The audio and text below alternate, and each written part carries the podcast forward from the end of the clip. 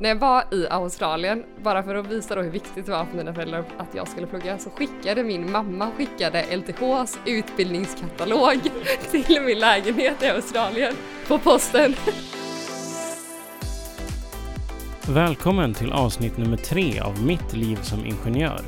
Podden där jag möter verksamma ingenjörer inom alla tänkbara områden. Veckans gäst är Malin Andersson, tidigare datateknikstudent på LTH och numera bosatt i Köpenhamn.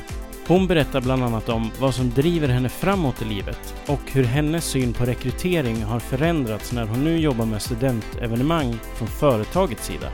Vi pratar också om hur det är att uppleva korruption från första parkett och vad Malin tycker om konceptet work-life balance.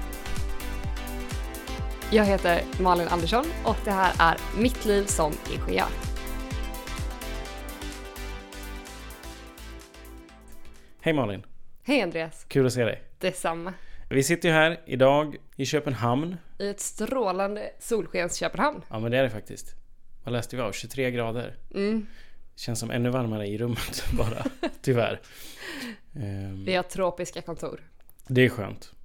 Och jag tänker att vi, ehm, vi kommer ju prata ganska mycket om dig Mm. idag. Eh, Och min första fråga till dig är egentligen vad ditt första sommarjobb var. Eller ditt första riktiga jobb. Mm. Mitt första riktiga jobb där man har eh, vad säger man, anställningskontrakt eller så här, det var att jag var simlärare. Ja, Eh, eller simtränare till och med. Så jag tränade eh, barn som lärde sig crawla. Ehm, och också coachade dem under deras första tävlingsår. Så eh, det var det som började på min ingenjörsresa eller vad man säger. det är väl en, en vanlig start ändå. Från simlärare till ingenjör. Ja, precis. Ja. Kan bli.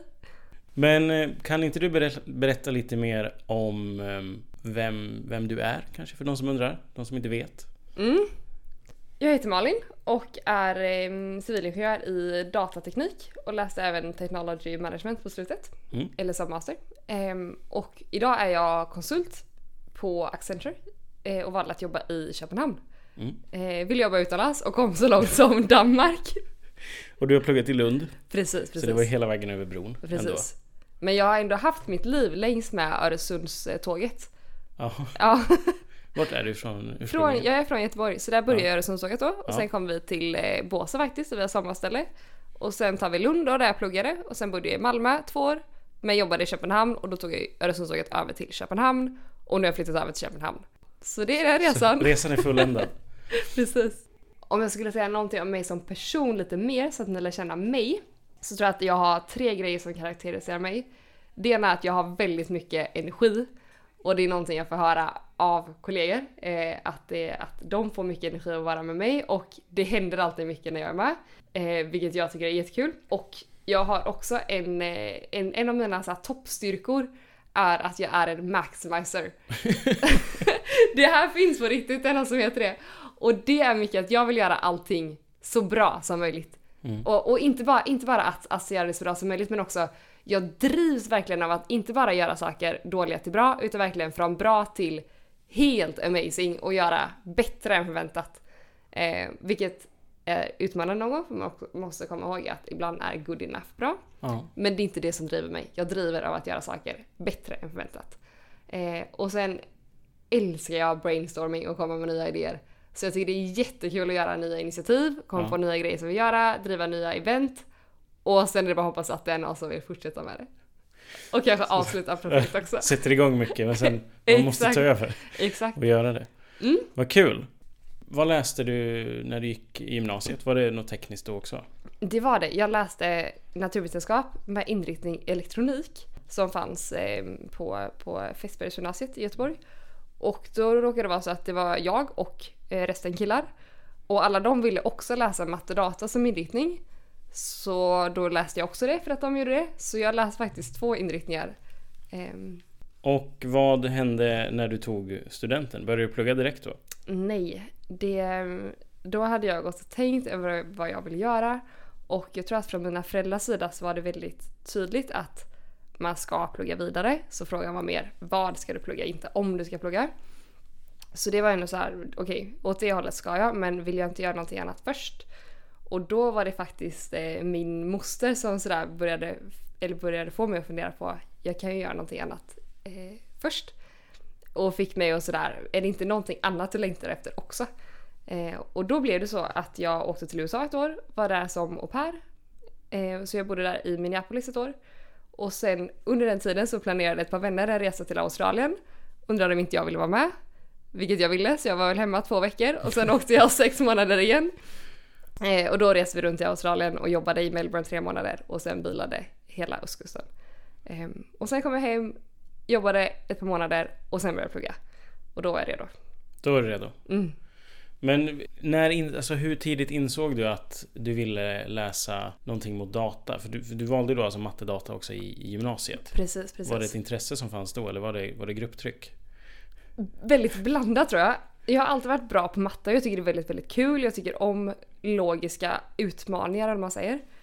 Och sen, min pappa är ingenjör i elektroteknik så det var någonting som, som inspirerat mig tror jag. Och jag har gärna velat säga att det inte var så men Mm. jag kom fram till att det var det nog väldigt mycket.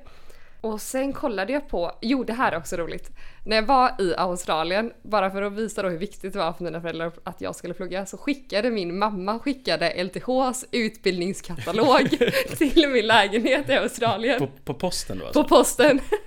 Så det var det tyngsta brevet jag fick det året. Det var utbildningskatalogen. Och då läste jag lite om elektroteknik och tänkte att det låter lite för avancerat. Ja.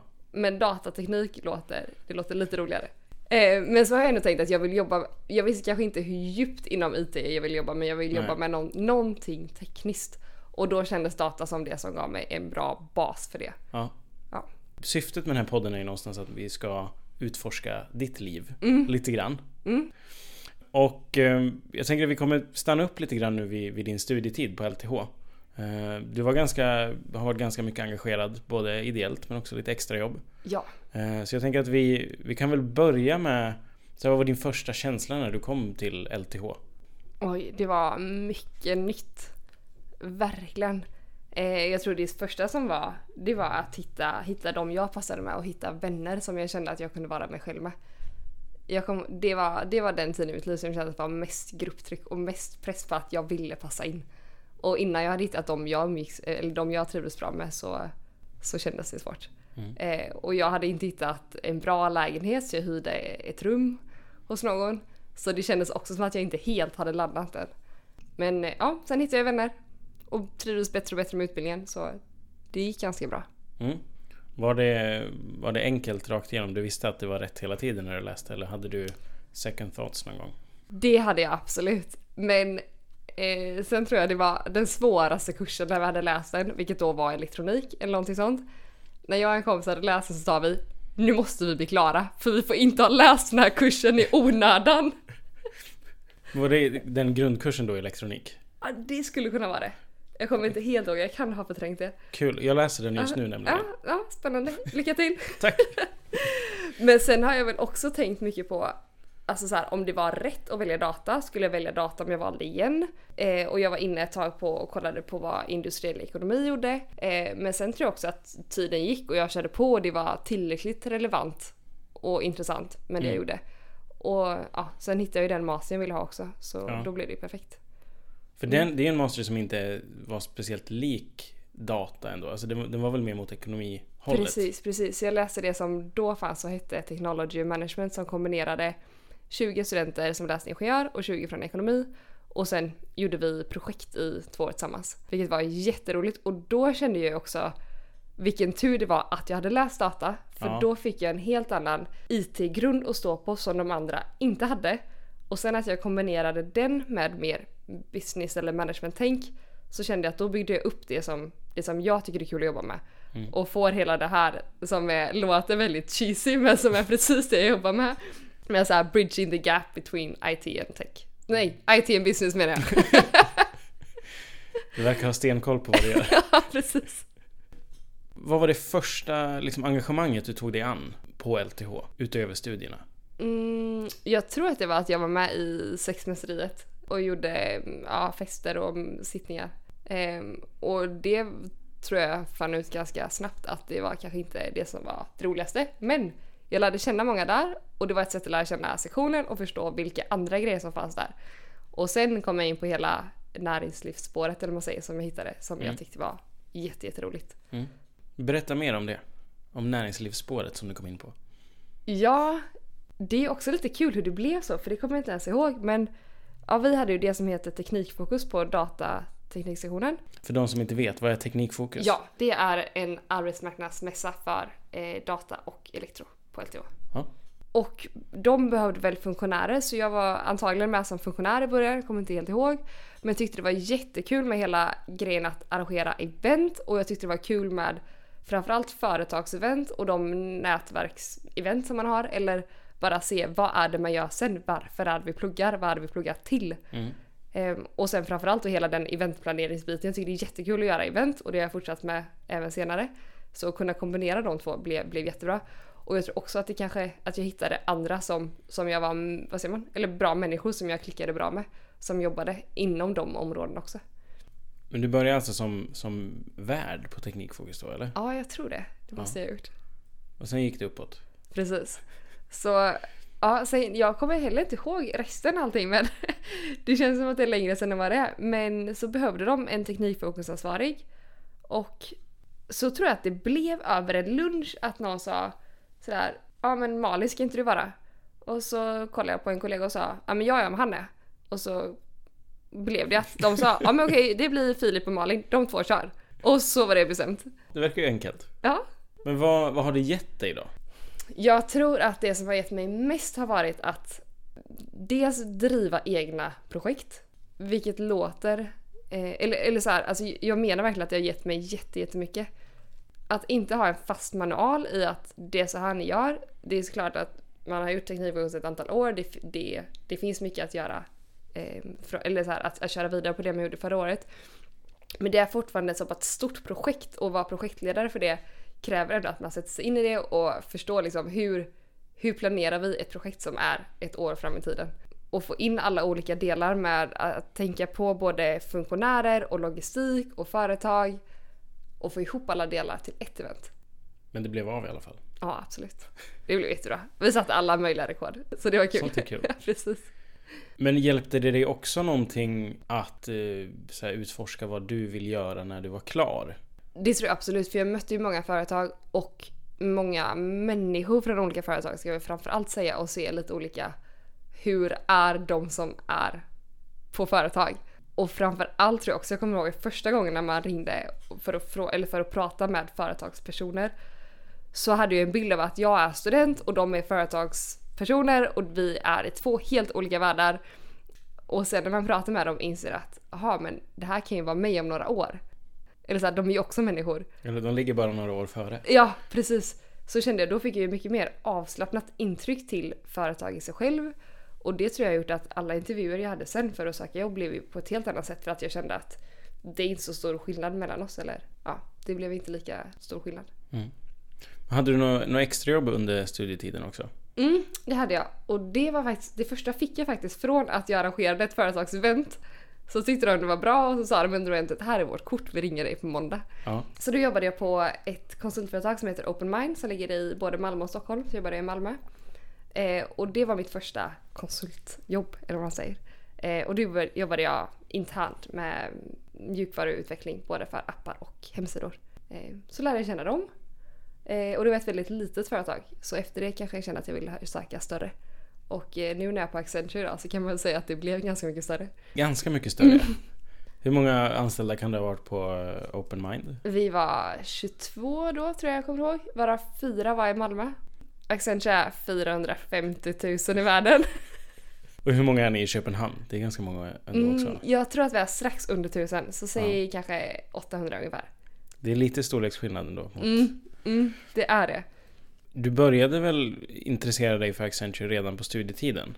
Ja, det är också en kul story egentligen. För då när jag gick Technology Management eller TM då var det så här standard att alla gör internship. Mm. Så det är någonting man ska göra. Alla har bra relevanta sommarjobb. Så jag började också fundera på okej, eh, det här är ganska nytt för mig. Eller inte nytt för mig men det var nytt att alla i min klass hade så höga mål. Så frågan var ju också vad ska jag göra? Och sen var det två killar i klassen som sa ja men Malin vi har sagt det här eh, eh, Summer Internship på Accenture, ska inte du också söka det? Och de hade varit på intervjuer i Oslo och jag fick då en eller sökte för att de hade sagt att jag skulle söka. Fick en Skype-intervju och blev uppringd dagen efter och, frågade om, och de frågade om jag ville ha jobbet. Och mina två, eh, vad säger man, kollegor, Ja. ja. klasskompisar fick inte jobbet. Dålig stämning. Lite grann. Men så då kom jag in där och då var det ja, sommaren innan jag var klar, så när jag gick i eh, fyran borde det varit. Och då tyckte jag att Accenture var jätte, jättebra och Ja. kände verkligen att alla jag jobbade med, alla jobbade för, eller både studenter och de som var från Accenture under sommaren var superhärliga Mm. och kände att det här vill jag jobba mer med. Eller ja, de personerna. Eh, och det var bra, bra stämning eh, på kontoret. Var det här ditt första så här, riktiga sommarjobb då eller? Som var relaterat till utbildningen kanske? Eller jobbade du mycket på somrarna på, med Open Mind också? Mm, jag tror jag jobbade någon sommar på Open Mind och sen hade jag med ett annat företag däremellan också innan jag blev helt klar. Men det var nog det första där jag kände att det verkligen var helt på riktigt. Eller det verkligen var så här. de- De berättade så här, det var 200 ansökande till 40 platser. Så det var liksom då det började kännas stort på något sätt. Eller också så här att oj, de har valt mig till det här. Och det här internshipet på Accenture som var i Oslo då, de peppade ju också oss väldigt mycket för att det här är en stor eh, portal in till att få eh, fulltidskontrakt på Accenture sen. Ja. Så de satsade ju extremt mycket på oss och fick oss att verkligen känna oss utvalda. eh, och jag hade ju så här jättekul projekt och sådana grejer för oss.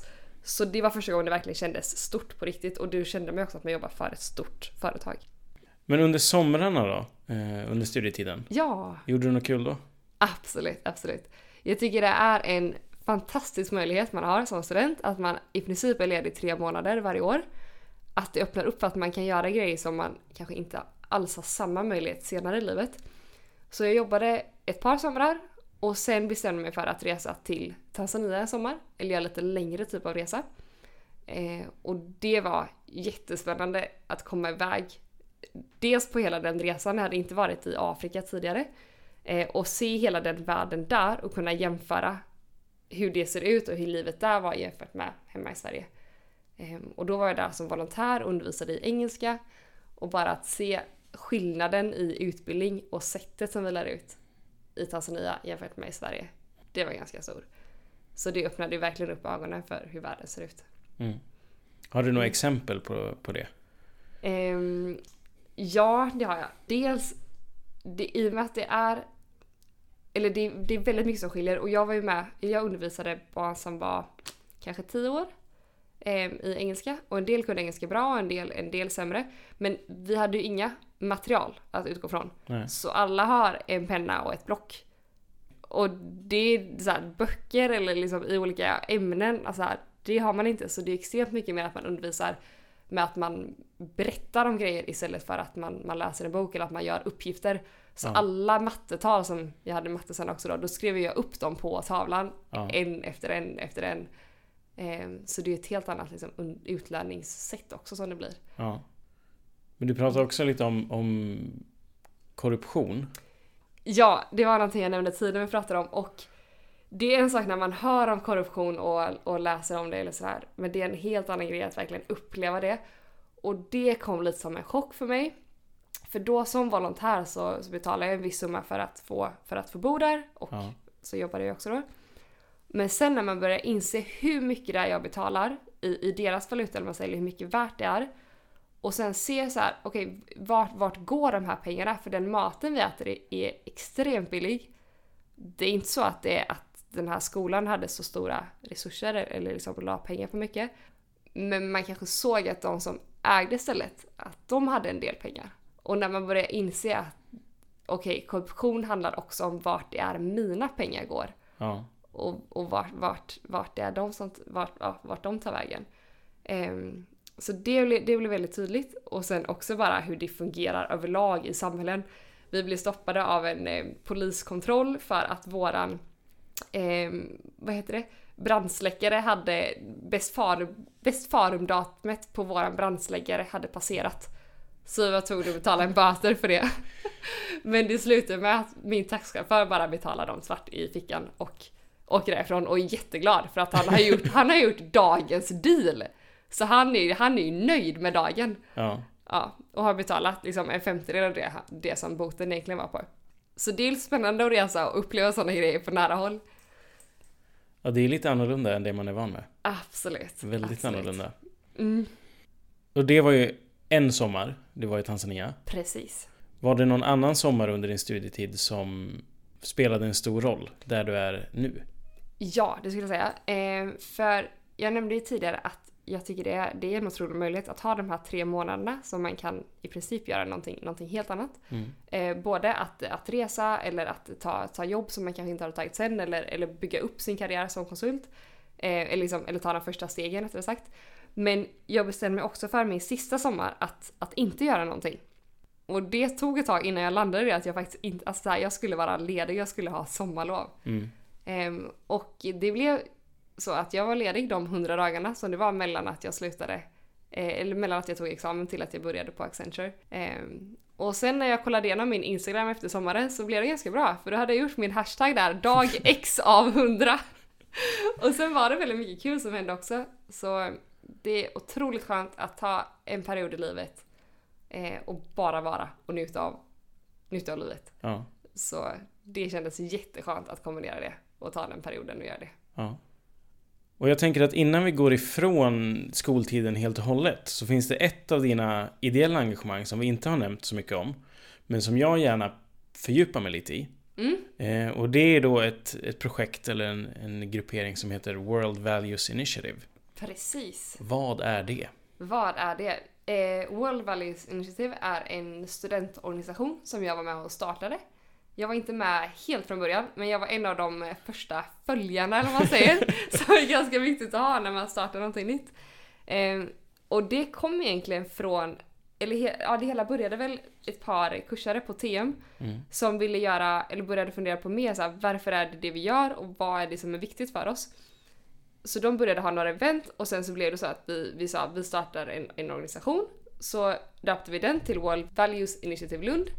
Och på samma veva så hittade vi några i Göteborg och Stockholm som hade ungefär samma, samma syfte. Varpå vi startade en nationell organisation så att vi blev ett större nätverk. Så att World Values Initiative finns nu både i Lund, Göteborg och Stockholm. Mm. Och det som, som den organisationen fokuserar mycket på, det är vad som är viktigt för dig. Eh, varför gör man det man gör? Vad är det som, eller vilka händelser i livet har gjort att, att man har de värderingar man har? Eh, ja, så, så mycket, mycket frågor i varför. Så varför pluggar man det man gör? Varför är det man, man har de målen man har? Vad är det man egentligen vill? Vad är syftet i det man gör? Mm. är väldigt mycket fokus. Eh, Så det var jättespännande att vara med i det som student, både utifrån att, att faktiskt vara med och driva den organisationen och också sådär, det var ju först, vårt första verksamhetsår. Vi hade ju alla möjliga möjligheter att kunna göra vad vi vill men också Mm. sådär, hur får vi ihop det här som en organisation? Och sen också tycker jag det är jättespännande att verkligen tänka på okej, vad, vad är det som är viktigt för mig? Vilka värderingar har jag? Hur är jag som person? När jag sen ska leta företag, vad är det som är viktigt för mig hos ett företag till exempel? Mm. Vad har de för syfte och hur, hur kan jag relatera till det? Eh, Kom du fram till några bra svar under den här tiden då? Jag har ingen sån pitch helt då, men jag har ett par, ett par eh, värderingar som är viktiga för mig. Ja, Och lite historier bakom dem också. Ja, Eh, så till exempel eh, eh, ärlighet är en av dem. Eh, och det kommer mycket från att jag har, när jag har varit i situationer där jag eller någon annan inte har varit ärlig, så mår jag verkligen, verkligen dåligt. Mm. Så det är en sån, liksom, sån typ av, eh, av eh, värdering. Och sen är utveckling en annan, en annan. Att jag alltid, alltid, alltid vill utvecklas mer. mm. Mm. Var du väldigt reflektiv som person redan tidigt? Alltså att du tänkte mycket på varför du gör det du gör och liksom vilka alternativ det finns och varför är det så här? Det är faktiskt väldigt kul att du säger det, för jag tror att jag var det. För en av mina... Jag kommer ihåg att jag skrev ner inför en intervju, faktiskt på Accenture, Ja. att en av mina styrkor var att jag är purpose-oriented. Jag vill fråga, varför gör vi detta? Vad är syftet med det här projektet, den här gruppen? Mm. Varför gör vi detta? Varför, varför gör vi det vi gör? Mm. Eh, för då tänker jag att om man har det tydligt så är det mycket lättare att se eh, hur, hur är det vi ska ta oss dit eller förstå, är det här rätt att göra, är det här fel? Vad, vad ska vi fokusera på? Mm. Eh, så det kan nog stämma. Mm. Men om du tittar tillbaks på din studietid som, som helhet Ja, och tar med dig det du vet nu. ja. Finns det någonting som du hade gjort annorlunda? Eller som du har tänkt på att ja, det här kanske inte var så farligt som jag trodde. Eller det här borde jag ha gjort. Eller det här borde jag kanske inte ha gjort. Jag kanske tar ett så här politiskt svar och jag svarar lite generellt om det du frågade. Men en av de grejerna som jag är extremt glad över att jag gjorde, Mm. det var att, att vara med i så många olika engagemang och också ta ett par ledarroller eller driva ett par projekt. För det är någonting som jag har sett nu efteråt att det har gett mig, eller liksom det var där det började, det är det som har gjort att jag tycker det är lätt att driva projekt internt på Accenture nu. Mm. För att jag har gjort det tidigare som student. Ehm, och få den, den erfarenheten väldigt tidigt, den tror jag var jättebra. Mm. Så jag är jätteglad att jag var med och var engagerad i de grejer jag var. Alla grejer kanske inte var jättekul, vi har pratat om de som varit bra idag. Mm. Så det finns ett par till bakom. Eh, och som har hittat sin väg lite. Mm. Mm. Och den, den vägen ledde till Accenture. Ja. Jag tänker att vi kan väl landa lite där för att du har ju jobbat på Accenture sedan du tog examen. Kan du berätta lite om vad Accenture är? För det är ju en väldigt stor organisation. väldigt stor. Precis. Men om du kort och koncist, vad är Accenture? Mm, Accenture är ett IT management konsultföretag med 450 000 anställda runt om i världen och vi har projekt inom allt från eh, strategi och eh, IT-utvecklingar, digitala projekt, outsourcing, ja, allt. Nämn någonting så gör vi det. Mm. Mm.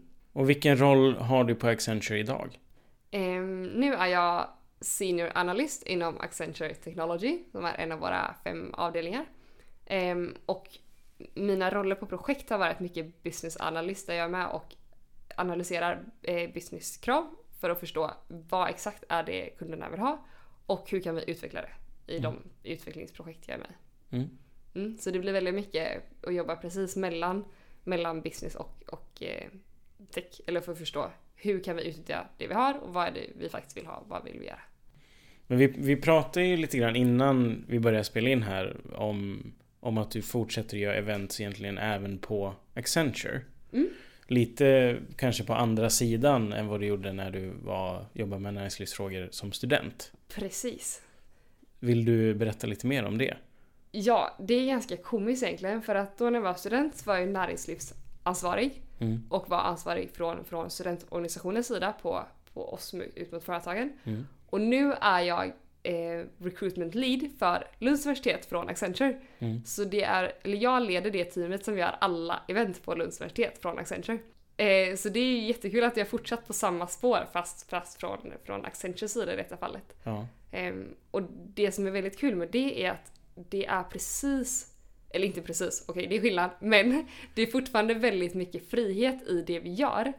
Så det är klart att vi har, vi har ett specifikt eh, mål från HR och vi har en specifik budget. Men vi har fortfarande väldigt mycket frihet i exakt hur vi väljer att göra alla event och vilka event vi gör. Mm. Ehm, och det teamet jag har är superhärliga människor. Så som ni har förstår, om ni har träffat dem. Mm. Eh, ja, nej, men så det är kul att kunna fortsätta jobba med det. Eh, och jag var med och startade, jag tycker om att starta nya projekt. Så jag var med och startade eh, Female Network South Sweden. Så var en ny grej och så har det fortsatt i lite olika eh, konstellationer nu. Eh, och vi har börjat att ha lite mer design thinking workshops Ja. eh, och sådana grejer. Så det finns, det finns verkligen frihet att, att göra nya grejer även där. ja, kul. Mm. Om man stannar kvar vid att du kanske står på, på andra sidan mot vad studenterna gör idag. Ja. Hur ser du på rekryteringsverksamhet nu jämfört med när du var student? Alltså när du själv kanske var den som ville söka jobb. Ehm, Jag tror att jag har mycket mer avslappnad bild av hela rekryteringsprocessen och intervjuer och sådana grejer. Jag tänker mer att nu ser jag till exempel en intervju mycket mer som en, som en konversation Mm. eller ett samtal och hitta är det här en bra match? Är det här ett bra företag? Eh, eller så här, om de är ett bra företag och jag är en bra person, hade vi klickat ihop? Eller så här, kan det här bli någonting bra ihop? Mm. Eh, så jag känner mindre att det handlar om att jag ska liksom prestera hela tiden, utan mer att jag vill visa mer, mer av vem jag är. Ehm, och jag tänker också att det handlar mer om på rekryteringsevent, så nu kan jag ju se från, från vår sida så är vi mycket mer intresserade av att verkligen lära känna studenter mycket mer personligt kanske, Mm. eh, än vad jag faktiskt trodde att det var när jag var student. Det finns ju ett, eh, ett riktigt buzzword idag, eller det är egentligen flera ord sammansatta, men det som kallas för work-life balance. Ja. Som eh, undersökningar visar på att det är det absolut viktigaste för ingenjörsstudenter när de letar en arbetsgivare. Hur ser du på work-life balance?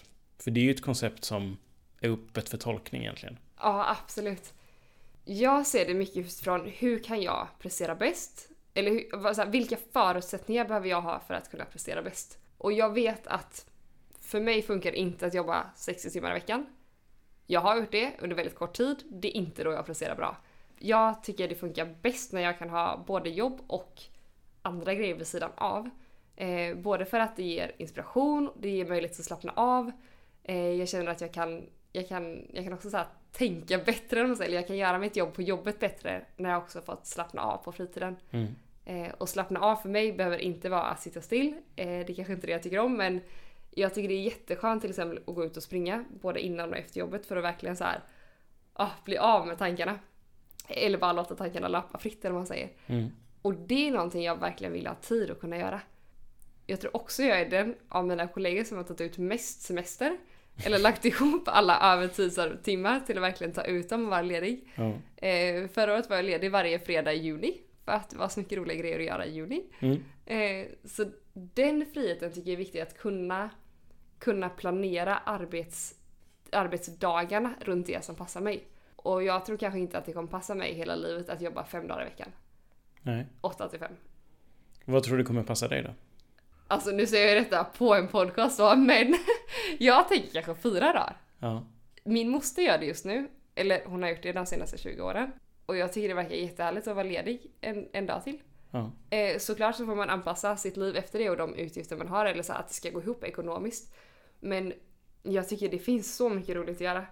Eh, både på jobbet och utanför. Och jag vill känna att jag har energi för båda. Så lite för att komma tillbaka till det work-life balance som du pratar om så tror jag att för mig handlar det om att ha, ha energi på jobbet. Och för att ha det så, behöver, så vill jag, så få, eller jag får mycket energi av att göra det jag gör utanför jobbet också. Mm. Så jag vill liksom att, att det ska gå ihop. Vi har ju pratat en hel del nu om vad du är och eh, vad Accenture är och mycket så. Men om man kollar framåt, eh, in i framtiden, man ska spå in i framtiden. Vad, vad tror du att du hamnar då? Liksom? Vad, vad kommer vara viktigt för dig framöver? Jag har tänkt ner på det och jag har, jag har ett par tankar. Sen har jag inte sådär att "Uff, om fem år vill jag göra det här, om tio år vill jag vara det här. Jag är så här, s- VD, starta eget företag. Det är inte så här något mål som jag har utan jag har liksom några tankar just nu kring det här egentligen. Eh, och sen, sen hoppas jag vara öppen för, för nya utmaningar också. Men Mm. det jag tänker just nu i vart fall är att jag tycker att det är väldigt kul att jobba med IT-projekt. Mm. Så det tror jag alltid att jag kommer göra på något sätt. Jag tycker det är kul att kunna kombinera IT och business eller vad man säger och, och se så här hur kan vi med de tekniska möjligheterna vi har idag driva företag bättre? Mm. Och jag tror det finns extremt många möjligheter som man inte utnyttjar tillräckligt bra idag. Mm. Så det är någonting och det i min värld är fortfarande hur brett som helst. eh, och sen tycker jag väldigt mycket om att driva, driva projekt eller initiera nya grejer. Så det är någonting jag tror att jag kommer vilja göra, göra mer. Och sen trivs jag väldigt bra i en internationell miljö. Och det är egentligen ganska viktigt för mig för att trivas tror jag. Eh, Så det är kanske lite därför jag bor i, i eh, Köpenhamn. Eh, Även om inte det är så långt från Sverige geografiskt sett så upplever jag ändå att det är en mer internationell miljö, det är mer internationella projekt och det avspeglas i kulturen och de jag jobbar med också. Så det tror jag alltid jag kommer vilja göra på något sätt. Ja, Eh, Så det kanske inte blir en Sverige-karriär. kanske inte blir det. Nej, precis. Men det här som du säger att du inte är helt säker på var du vill hamna utan kanske mer vad du vill få med dig på vägen dit. Mm. Känns det okej eller känns det jobbigt? Det är både och. För det hade varit lättare att säga okej jag vet att jag vill dit, hur tar jag mig dit, vad behöver jag göra på vägen? Men just nu känner jag att eh, jag har ett par, eh, eller jag, jag utmanas till viss del där jag är just nu, vilket är jättekul. Och så länge jag kan göra det så känner jag att jag, jag är någonstans på rätt väg. Och det kommer upp nya möjligheter hela tiden. Så det är lite spännande också att inte veta helt. Och så får vi se vart det blir. Ja, innan vi avslutar hela kalaset här, det här fina samtalet vi har haft, så tänker jag att jag kommer slänga lite påståenden på dig som du får fortsätta på. Mm, spännande. Mm. Den första, den är ganska enkel. Ja. Den bästa appen i min telefon är... Min bästa app i min telefon är Strava. Det är en app där man lägger in hur mycket man eh, tränar. Så det låter ju sjukt träningssamt och det lovar jag där inte. Men jag har ett mål om att springa 10 kilometer varje vecka. Eh, så det ska jag ha gjort när det här året är slut. Och just nu så ligger jag på strax över 100 kilometer. Så jag har ett par kilometer kvar innan jag är i fas. så just nu är det lite panik när jag ser då mitt årliga mål och att jag ligger lite efter. Men det är också sjuk pepp att se att jag kommer närmare, närmare det. Mm. Mm. Kul. Mm. Det bästa med att bo i Köpenhamn är? Att det finns tillbud på vin. Mm. Om jag inte gjorde det jag gör idag så skulle jag... Jag vet faktiskt inte vad jag skulle göra istället. Um, tanken har slått mig om man skulle vara så här mountain guide eller någonting istället. Mm. Eh, och eh, liksom få betalt för att vara ute och klättra hela dagen. Mm. Eh, det låter spännande just nu. Jag vet inte hur jag ska tycka det är kul. Men det är min backup-plan. Ja. Ja. Och avslutningsfrågan. Vad är ditt bästa tips till dagens studenter? Mitt bästa tips, eh, det kanske inte är det roligaste, men jag tror att det är, eh, det är bra. Och det är att ta klart examen. Det är så enkelt som det. Det låter kanske inte jätteroligt, men har man lagt över fyra år på att plugga och har mindre än ett år kvar så känns det lite som att man snubblar på mållinjen om man inte gör klart det. Eh, det är så jag ser på det personligen.